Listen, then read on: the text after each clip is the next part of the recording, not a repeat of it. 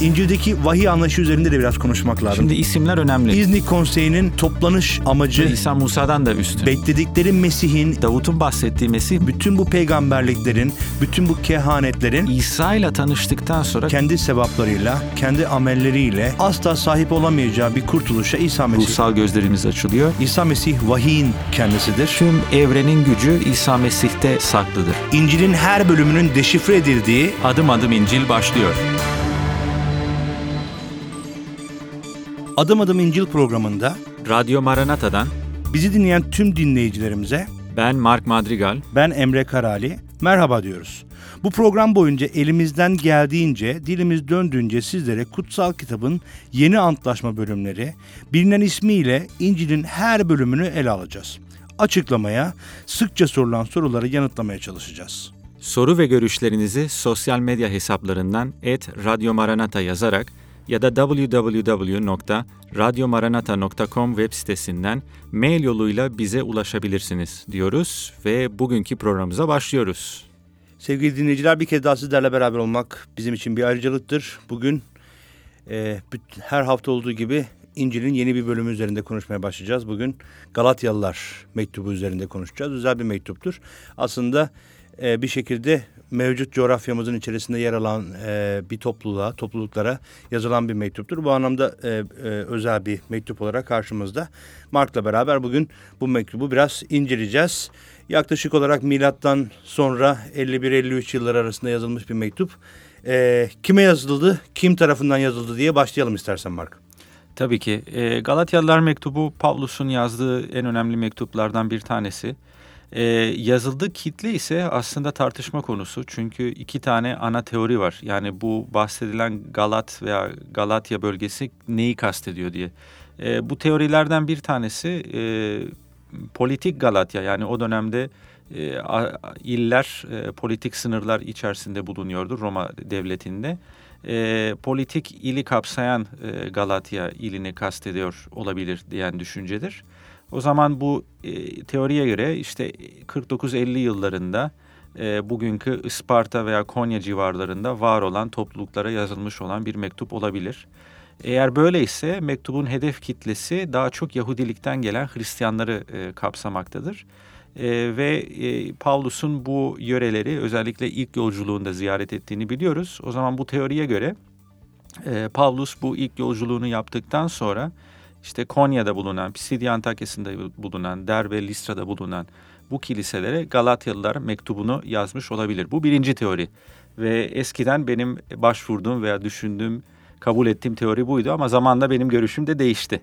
E, ikinci görüş, şu anki sahip olduğum görüş ama dediğim gibi bu tartışma konusu. İlla da birini veya diğerini seçebilirsiniz ama mesaj açısından pek fazla e, mektubu etkilemiyor açıkçası.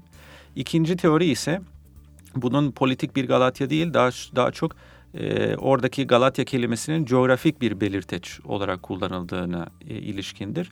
Bu böyleyse o zaman buradaki hedef kitle Ankara veya civarında yaşamış olan topluluklara e, yazılmış bir mektup olduğunu öngörüyor. Biraz daha geç bir tarihte belki 56 yıllarında yazılmış olabileceği düşünülüyor. Ve hedef kitle o zaman Yahudilikten gelen Hristiyanlardan ziyade e, orada oturan yerel halklar özellikle Galatlılara yazılmış bir mektup olabildiği e, düşünülüyor. Galatlılar kimdi? E, Galatlılar aslında Anadolu'da e, Avrupa'dan göç etmiş, Anadolu'da da yerleşmiş olan bir halktı. E, zamanlı, zamanında Roma devletine karşı savaş açmış, kaybetmiş ve daha sonrası e, Roma emperyalizmi tarafından e, kendi bünyelerine alınmış bir halktı.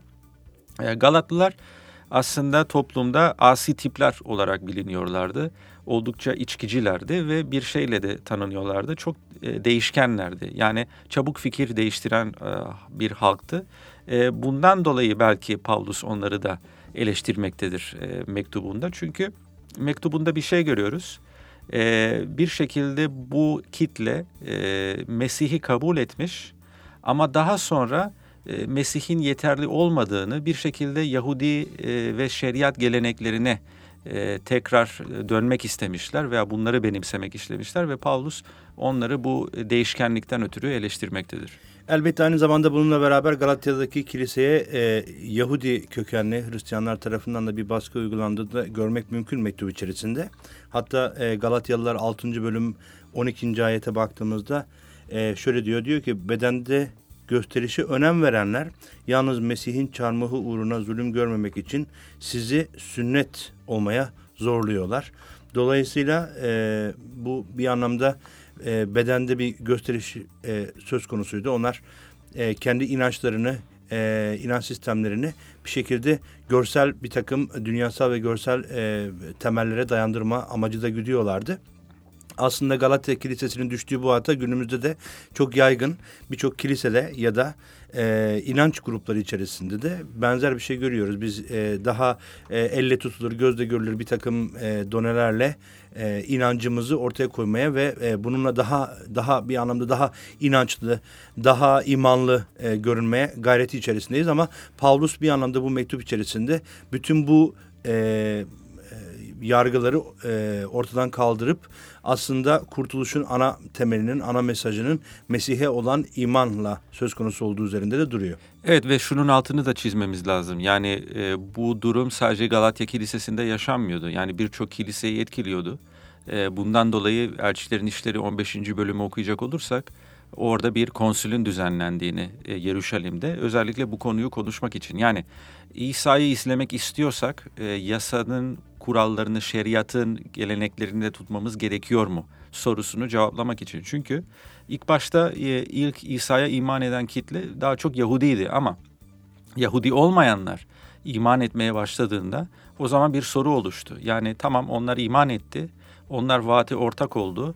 Ee, o zaman onlar da işte sünnet edilmeli, onlar da şabatı tutmalı, onlar da işte belirli yemek kurallarını uygulamalı şeklinde e, bazı Musa'nın yasasında evet, geçen evet. bir takım uygulamaların evet. aynı şekilde devam etmesi gerektiği yönünde. Dolayısıyla hem İsa Mesih'i izlemek ama İsa Mesih'i tam anlamıyla izlemek istiyorsak o zaman bu kuralları da tutmalıyız şeklinde bir e, baskı uygulanmaya başlandı. Özellikle Yahudi olmayan yeni imanlılara ve bundan dolayı Elçilerin İşleri 15. bölümde elçiler e, bir konsül, bir meclis düzenledi ve orada işte bunu biz yeni e, Yahudi olmayan imanlardan istemeli miyiz, istemeli, istememeli miyiz diye bir e, konu açıldı ve en sonunda yok biz onların işte bu e, şeriat geleneklerini ve sünneti tutmalarını istemeyeceğiz şeklinde bir karar oluşturuldu. Dolayısıyla e, Galatya Kilisesi'nde olan olay sadece Galatya'da yaşanmıyordu. Bundan genel etkilenen bir sorundu. genel bir sorundu. Yani birçok kilisede görünen sorunlardan bir tanesiydi bu. Tabii Galatyalılar mektubu okuduğumuzda en öne çıkan bu yiyecek içecek gibi sorunlardan ziyade en çok öne çıkan konulardan bir tanesi bu sünnet konusuydu. Çünkü bir şekilde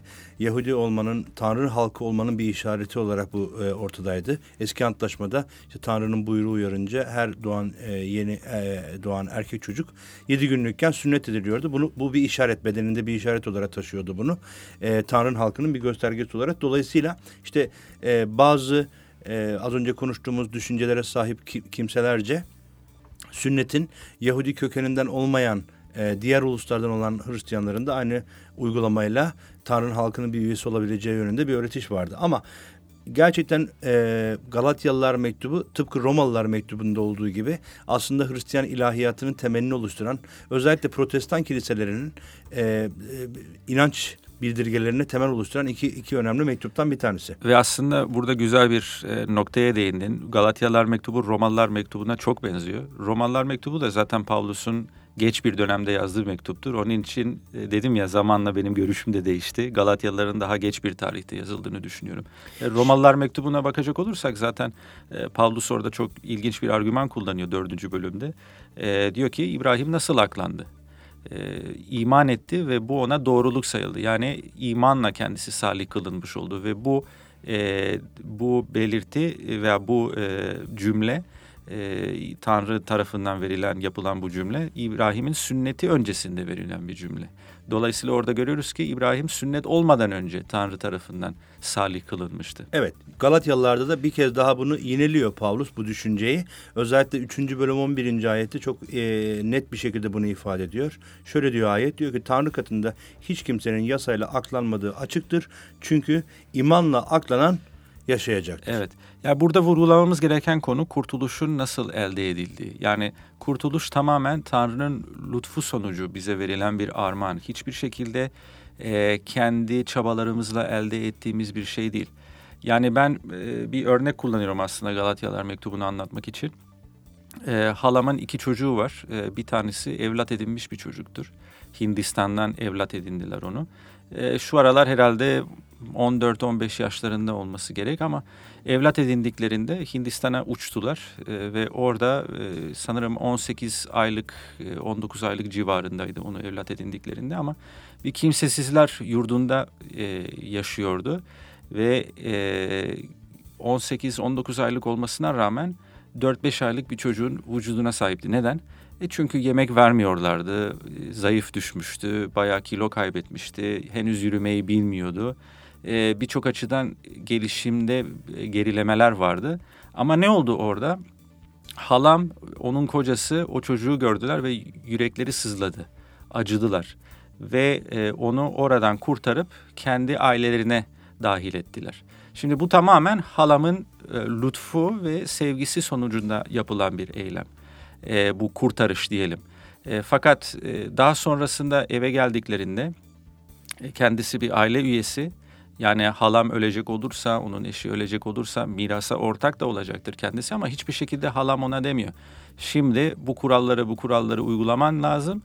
E, aksi takdirde seni e, aile dışı edeceğim şekilde. Böyle bir e, yaklaşım olmaz. Yani o çocuk hiçbir şekilde e, bunu hak edecek bir şey yapmadı. Bu tamamen halamın inisiyatifi ve lütfuyla bir kurtarış oldu o çocuğun hayatında. Dolayısıyla aslında Paulus'un bir nevi bu mektupta anlatmak istediği şeylerden bir tanesi de bu. Yani e, eğer biz bir şekilde şeriatçılığa dönüyorsak, gelenekçiliğe dönüyorsak, kuralcılığa dönüyorsak e, bir nevi Tanrı'nın lütfunun yeterli olmadığını söylemiş oluyoruz ve o zaman çok tehlikeli sulara giriyoruz.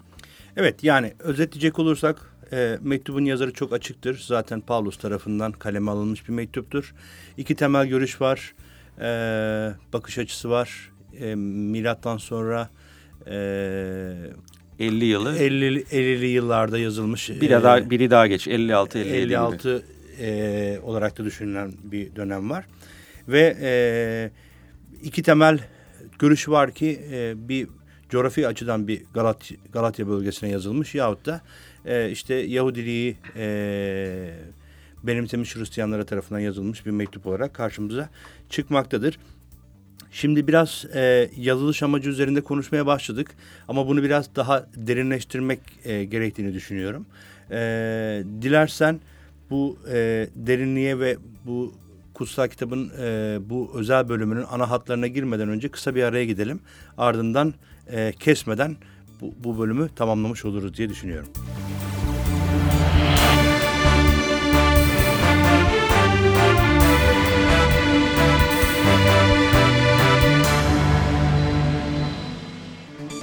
Sevgili Radyo Maranata dinleyicileri, kısa bir aranın ardından tekrar sizlerle beraberiz. Bugün Galatyalılar mektubu üzerinde konuşuyoruz sevgili Mark'la beraber.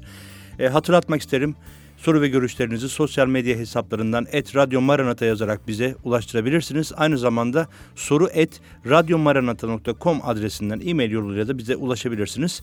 Hem sorularınız hem görüşleriniz bizim için değerlidir diyelim.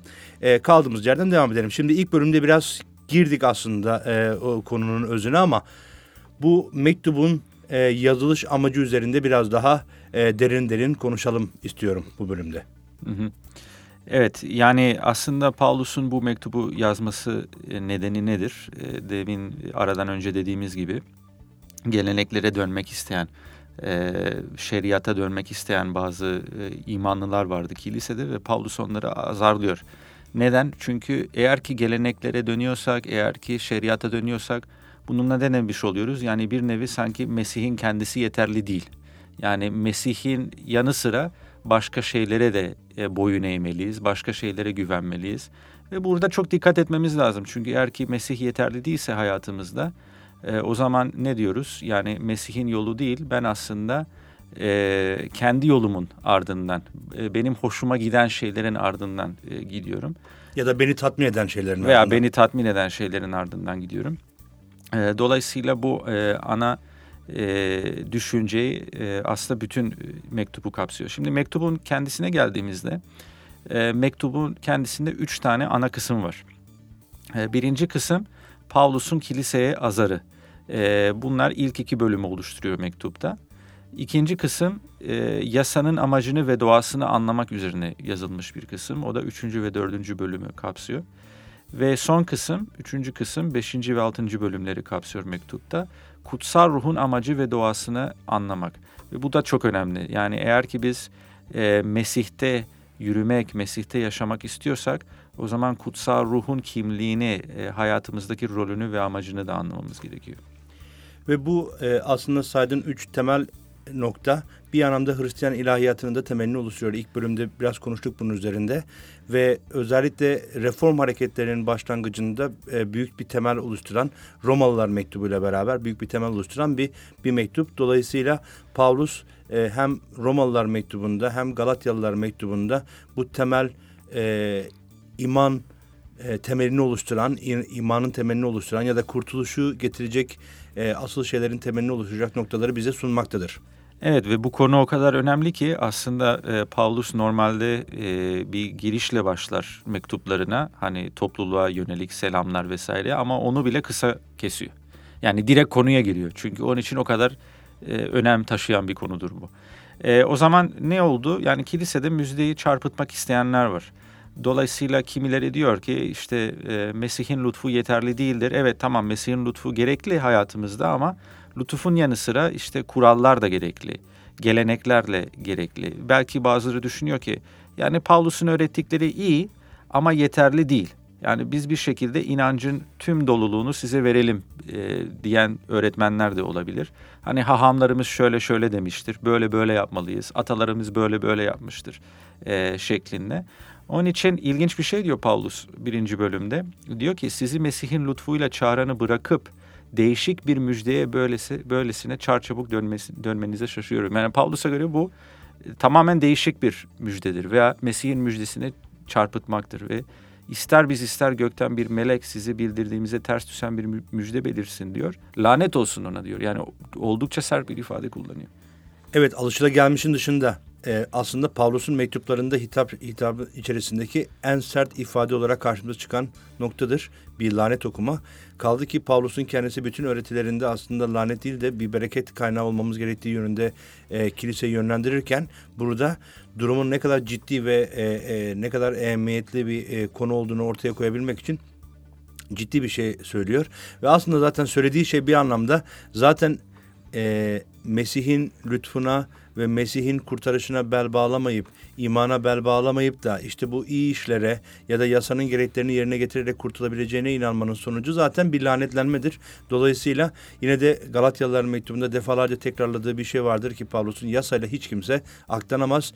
Yasaya e, en ufak bir buyruğunu uymadığımız zaman bütün yasaya karşı suçlu sayılıyoruz ve e, zaten doğal bir lanet altına giriyoruz. Yani Pavlus'un buradaki ifadesi bazı kişiler tarafından çok sert e, olarak görünse de aslında bir gerçeği ortaya koymaktadır. Yasayla kurtulmaya çalışan, iyi işlerle kurtulmaya çalışan bunu kendi gücüyle başarabilmesi söz konusu değildir. Zaten bu nedenle Mesih İsa dünyaya gelmiştir. Evet e, ve Pavlus'un tabii dediğin gibi bu ifadeleri e, iyi karşılanmıyor. yani e, bundan dolayı e, ilginç bir şey diyor 10. ayette birinci bölüm. Yani insanları hoşnut etmeye mi çalışıyorum? Yani eğer hala insanları hoşnut etmek isteseydim Mesih'in kulu olmazdım şeklinde bir ifade kullanıyor. E, ve tabii ki kilise, kilise üyeleri, bazı kilise üyeleri Pavlus'un bu ifadelerinden dolayı kendisinden şüpheleniyor. Yani acaba Pavlus gerçekten yetkili mi? Hangi yetkiyle bizi bunu öğretiyor şeklinde. E, ve e, birinci bölümün son kısımlarında ve ikinci bölümün başlangıçlarında aslında Pavlus'un yetki kaynağını görüyoruz. Birincisi e, Pavlus kendisi Mesih'i gördü. Yani Şam yolundayken e, bir görüm e, aracılığıyla e, Mesih ona göründü ve ona seslendi. Dolayısıyla evet, çağrısını... 9. bölümde bunu okuyabiliyoruz. Evet, do, dolayısıyla e, kendisi e, Tanrı tarafından İsa Mesih bizzat kendisi tarafından seçildi bu görev için.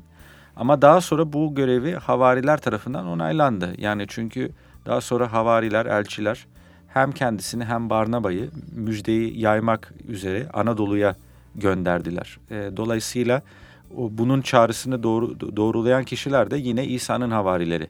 Hani bazen özellikle Türkiye'de Pavlus'un yetkisi hakkında çok tartışmalarda bulunuyor değil mi? Çünkü 12 havariden biri değildi. Dolayısıyla yani hangi yetkiyle e, bu öğretileri verdi veya sanki öğretileri çarpıttı gibi bazı görüşler. Evet İsa'nın öğretilerinin dışında öğretiler verdiği evet. gibi, kendi dinini oluşturduğu gibi evet. sert ifadeler de var. Tabii yani ama şöyle bir durum var. Yani eğer ki İsa'nın havarileri başta Petrus olmak üzere onu görevi onayladıysa ve onu gönderdiyse demek ki mesajında bir hata bulmuyorlardı. Çünkü mesajında bir hata bulsalardı zaten onu göndermezlerdi. Evet zaten Petrus da bunu evet. kendi mektuplarında da dile getiriyor. Diğer kutsal yazılarla bir tutuyor. Ee, Paulus'un yazdığı yazıları. Evet ve ikinci bölümde Galatyalar ikinci bölümde aslında ilginç bir e, hikaye de Paulus bizimle paylaşıyor. E, Paulus Antakya'dayken bir seferinde e, Petrus'la yüzleşti. O da neden oldu? Çünkü e, Petrus e, kendileriyle beraberken yani Antakyalı imanlarla beraberken onlarla aynı sofralarda oturuyordu, içiyordu, yiyordu. E, ama daha sonra e, Yeruşalim'den gelen bazı tutucu kişiler geldiğinde yani bu sefer Antakya'daki imanlarla e, takılmaktansa onlardan ayrı oturmaya başladı. Bu e, tutucu kısımla oturmaya başladı. Onlarla içmeye, yemeye başladı. Onlar gibi davranmaya başladı. E, dolayısıyla Paulus da onu azarlamak zorunda kaldı. Yani niye niye böyle yapıyorsun sen?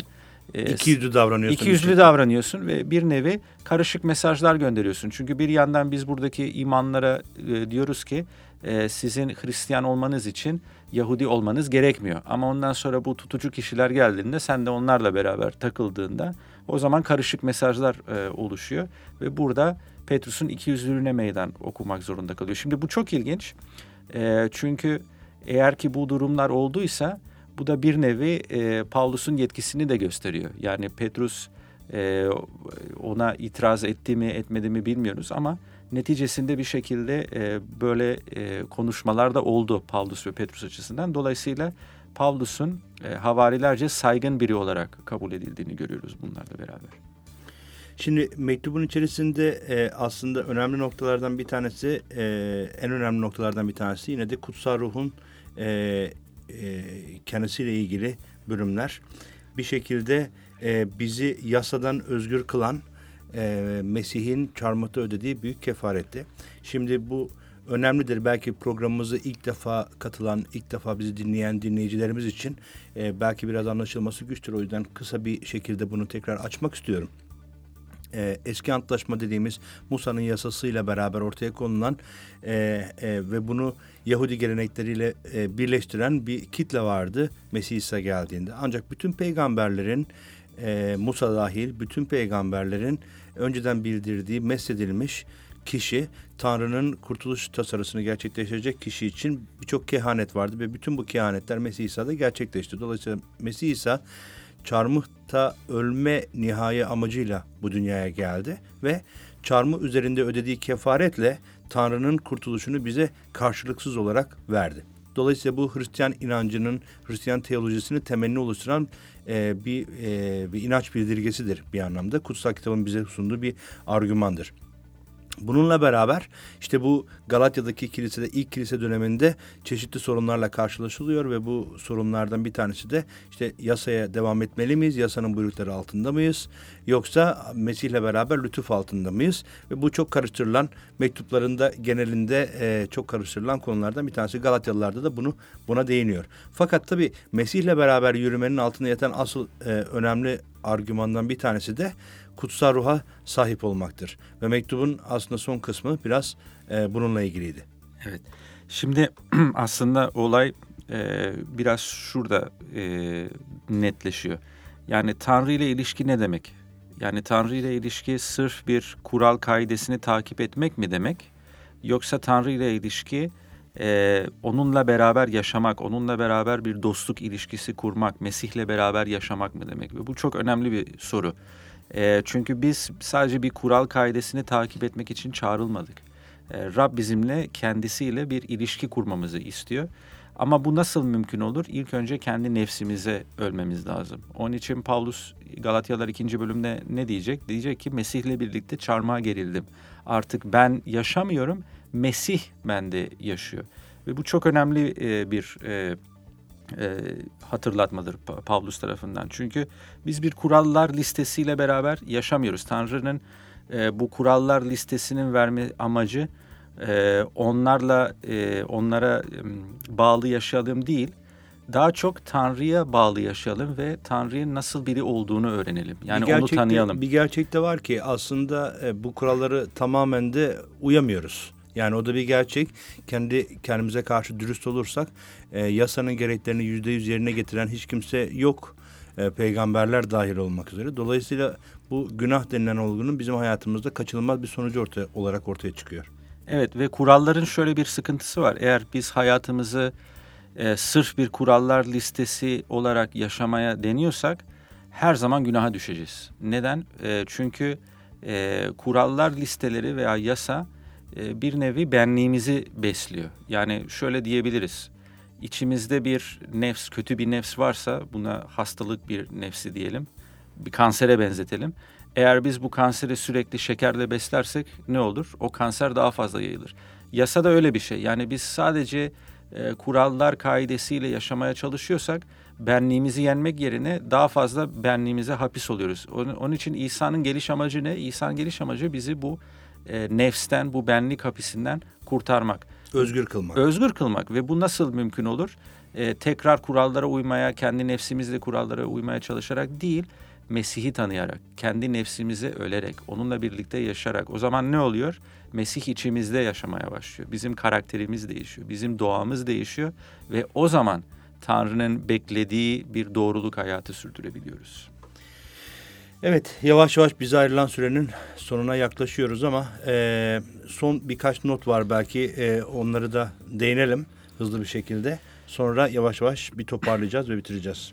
Şimdi aslında e, bu en son açıkladığım şeyi anlatmak için güzel bir benzetme kullanıyor Paulus mektupta. O da İbrahim'in iki çocuğu.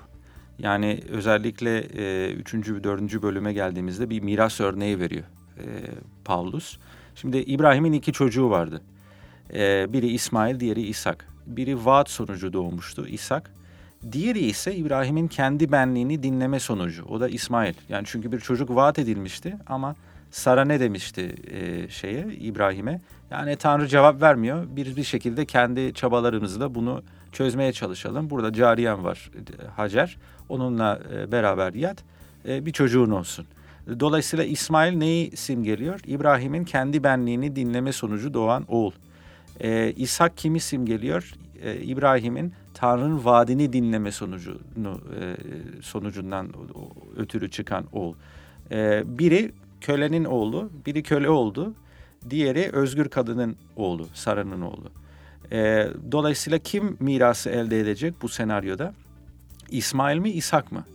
Tabii ki İshak değil mi? Çünkü özgür kadının oğludur kendisi. Dolayısıyla burada Pavlus'un anlatmak istediği ne? E, yani aslında Tanrı'nın mirasını, Tanrı'nın kendisine miras alanlar e, yasayı tutanlar değil, bunun yerine vaat sonucu Tanrı'ya güvenenlerdir. Aslında Tanrı bundan bizi bizden bunu arıyor. Yani kendi vaadine iman etmemiz, ona yürekten güvenmemiz, ona yürekten teslim olmamız. Ve o zaman ne olacak?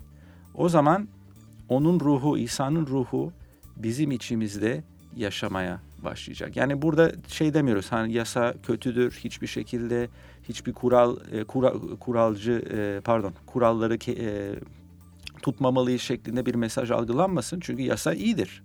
Ama yasanın özeti ne? Yasanın özeti Tanrı bu yasayı verdi ki biz Tanrı'yı sevebilelim ve komşumuzu kendimiz gibi sevebilelim. Ee, ama bunu gerçekten yapabileceksek, e, Tanrı'nın beklediği şekilde bu prensibe biz uyabileceksek o zaman İsa'nın ruhunu hayatımızda tecrübe etmemiz lazım. Zaten son bölümde Paulus buna değiniyor. Yani bu yanlış anlaşılmayı önlemek için. E, çünkü bazen lütfa fazla dayanıyoruz ve sanki herhangi bir şey yapmak zorunda değilmişiz ya da hayatımızda bunu göstermek zorunda değilmişiz gibi düşünebiliriz ama bu gerçek değil. Galatyalılar 6. bölümde e, Pavlus da bir şekilde buna değiniyor. 7. ayette ve 8. ayette diyor ki aldanmayın Tanrı alaya alınmaz. İnsan ne ekerse onu biçer. Kendi benliğine eken benlikten ölüm biçecektir. Ruha eken ruhtan sonsuz yaşam biçecektir. Dolayısıyla ilginç bir olay var. Yani gerçekten Tanrı'nın beklediği şekilde diyelim yasaya uymak istiyorsak o zaman ruhun izinde yürümemiz lazım. Evet, yani ruha ekmeliyiz. Ruha burada. ekmeliyiz aslında. O zaman gerçekten Tanrı'nın beklediği şekilde hem onu sevebiliyoruz hem komşumuzu sevebiliyoruz. Zaten Galatyalılar mektubunda hani Hristiyanlarca çok bilinen iki temel nokta e, Galatyalılar 5. bölümde ruhun ürünü işte e, ruha ekmenin sonucu onun ondan gelen meyveler ya da benliğin ürünü ve benliğe ektiğimizde ondan çıkan sonuçlar da Galatyalılar 5. bölümde Pavlus tarafından kaleme alınıyor. Dolayısıyla aslında Pavlus'un söylemeye çalıştığı şey yasanın kötü olduğu, yasayla ilgili herhangi bir şeye e, uymamamız gerektiği veya, değil. Veya kuralsız bir şekilde kuralsız bir şekilde yaşamamız değil. değil. Tam tersi bütün bu kurallar için gayret göstermeliyiz ama kurtuluşumuzun e, dayandığı temel e, bu yasaya uymak ya da iyi işlerimize e, dayanmadığını ortaya koymaktadır. Dolayısıyla kutsal ruh olmaksızın, Tanrı ruhu olmaksızın aslında Tanrı'nın istemlerini yerine getirmekte yetersiz olduğumuzu da bir kez daha ortaya koymuş oluyor bu şekilde. Evet aynen öyle. Dolayısıyla e, bir özetleyecek olursak Paulus tarafından yazılan bu mektup e, ilk, e, üç temel nokta üzerinde e, yoğunlaşıyor. E, ilki e, bu yasa yanlılarının, sünnet yanlılarının özellikle sünnet konusu çok e, sık dile getirilen bir konudur mektup boyunca. Dolayısıyla yasaya dayanan bir kurtuluşun gerçekleşmeyeceğini e, söylüyor ve bunun dışında Mesih'in bildirisinin dışında bir bildiri yayanların lanet altına gireceğini bahsediyor Paulus ve bu konuda kendini eleştirenlere kendi elçiliğini ortaya koyuyor. E, nasıl e, Mesih İsa tarafından bu göreve atandığı konusunda ve sonunda aslında kendi benliğimize değil Tanrı'nın benliğine e, yani ruhuna ekmemiz gerektiği üzerinde de bizi yönlendiriyor diyelim. E, çok değerli bir mektup. Aslında keşke zaman olsa her bölümü, her ayet üzerinde tek tek konuşabilsek ama e, birçok kilise bu şekilde öğretiler, e, vaazlar sırasında bunlara bunlara değiniyor. Daha fazla bilgi almak isteyenler e, kendilerine en yakın kiliseye gidebilirler. Tabii biz bu programda işte bize ayrılan süre içerisinde dilimiz döndüğünce bunları anlatmaya, ifade etmeye çalışıyoruz. Söylemek istediğin son bir şey var mı? Yani belki son ayetlerle bitirebiliriz. Yani mektubun e, son sözleri sonucu ne? E, ilginç bir şey diyor e, Paulus diyor ki bana gelince Rabbimiz İsa Mesih'in çarmıhından başka bir şeyle asla övünmem. Onun çarmıhı aracılığıyla dünya benim için ölüdür. Ben de dünya için sünnetli olup olmamanın önemi yoktur. Önemli olan yeni yaratılıştır ve bu son e, cümle, bu son kelimeler yeni yaratılış aslında Tanrı'nın bizden aradığı şey. Tanrı bizim yüreklerimizi değiştirmek istiyor. Tanrı bizlerden yeni bir yaratılış yaratmak istiyor. E, nefse köle olan, şeriatçılığa köle olan bir hayat değil, kendisine köle olan, kendisine bağlı olan bir hayat yaratmak istiyor bir, bizde. E, dolayısıyla ilginç. Yani biz eğer ki gerçek imanı yaşamak istiyorsak, gerçek imanı tecrübe etmek istiyorsak e, aslında burada bir e, turnusol testi gibi bir tespit yapabiliriz. Gerçek iman kuralcılık ve şeriatçılıkla değil, başkalarını sevebilme kapasitesiyle ortaya çıkar. Ve bu çok önemli. Aslında e, biz gerçek imana sahipsek o zaman hem Tanrı'yı sevmek hem de komşumuzu sevmeyi de biliyoruz. Ama gerçek imana sahip değilsek o zaman e, sadece kuralcılık ve şeriatçılıkla hayatımızı sürdürmeye çalışacağız ve sürekli başkalarını suçlayarak hayatımızı geçireceğiz. Dolayısıyla sevgili dinleyiciler eğer Mesih'in bu lütfuna sahip olmak isterseniz İsa Mesih'i Rabbiniz ve kurtarıcınız olarak hayatınıza kabul etmeniz yeterli olacaktır. Ee, elbette Mesih ile ilgili e, öğretilerin sizin hayatınızda etkin olması için kutsal ruhu yaşamlarınıza davet edebilirsiniz. Belki bu programı dinleyen e, değerli dinleyicilerimiz e, şimdi birkaç dakika ayırarak bunu kendi hayatlarınız için dileyebilirsiniz. Kutsal ruhu bir kez daha hayatlarımıza çağıralım. Pavlus'un e, bahsettiği gibi aslında e, benliği ekenlerden değil ruha ekenlerden olalım. Şeriatın peşinden gidenler değil, kuralların peşinden gidenler değil ama aynı zamanda kuralsız ve e, yönsüz bir şekilde sadece imana dayanan bir yaşam değil. E, bu tam bir dengenin e, sağlanabilmesi için de gerçekten Tanrı'nın ruhuna ihtiyacımız var diyelim ve bu programın daha e, sonuna geldiğimizi hatırlıyoruz ve bizi dinlediğiniz için teşekkür etmek istiyoruz. E, sosyal medya hesaplarınızdan e, soru ve görüşlerinizi Radyo Maranata'ya arama kısmına Radyo Maranata yazarak bize ulaştırabileceğinizi bir kez daha hatırlatalım. Aynı zamanda soru et radyomaranata.com adresinden de bize ulaşabileceğinizi bir kez daha anımsatalım. Gerçekten programla ilgili görüşleriniz, sorularınız bizim için önemli de değerlidir. Lütfen çekinmeden bize yazın diyelim. Ve e, ben Emre Karali. Ben Mark Madrigal. Bir sonraki programda görüşmek dileğiyle efendim. Hoşçakalın.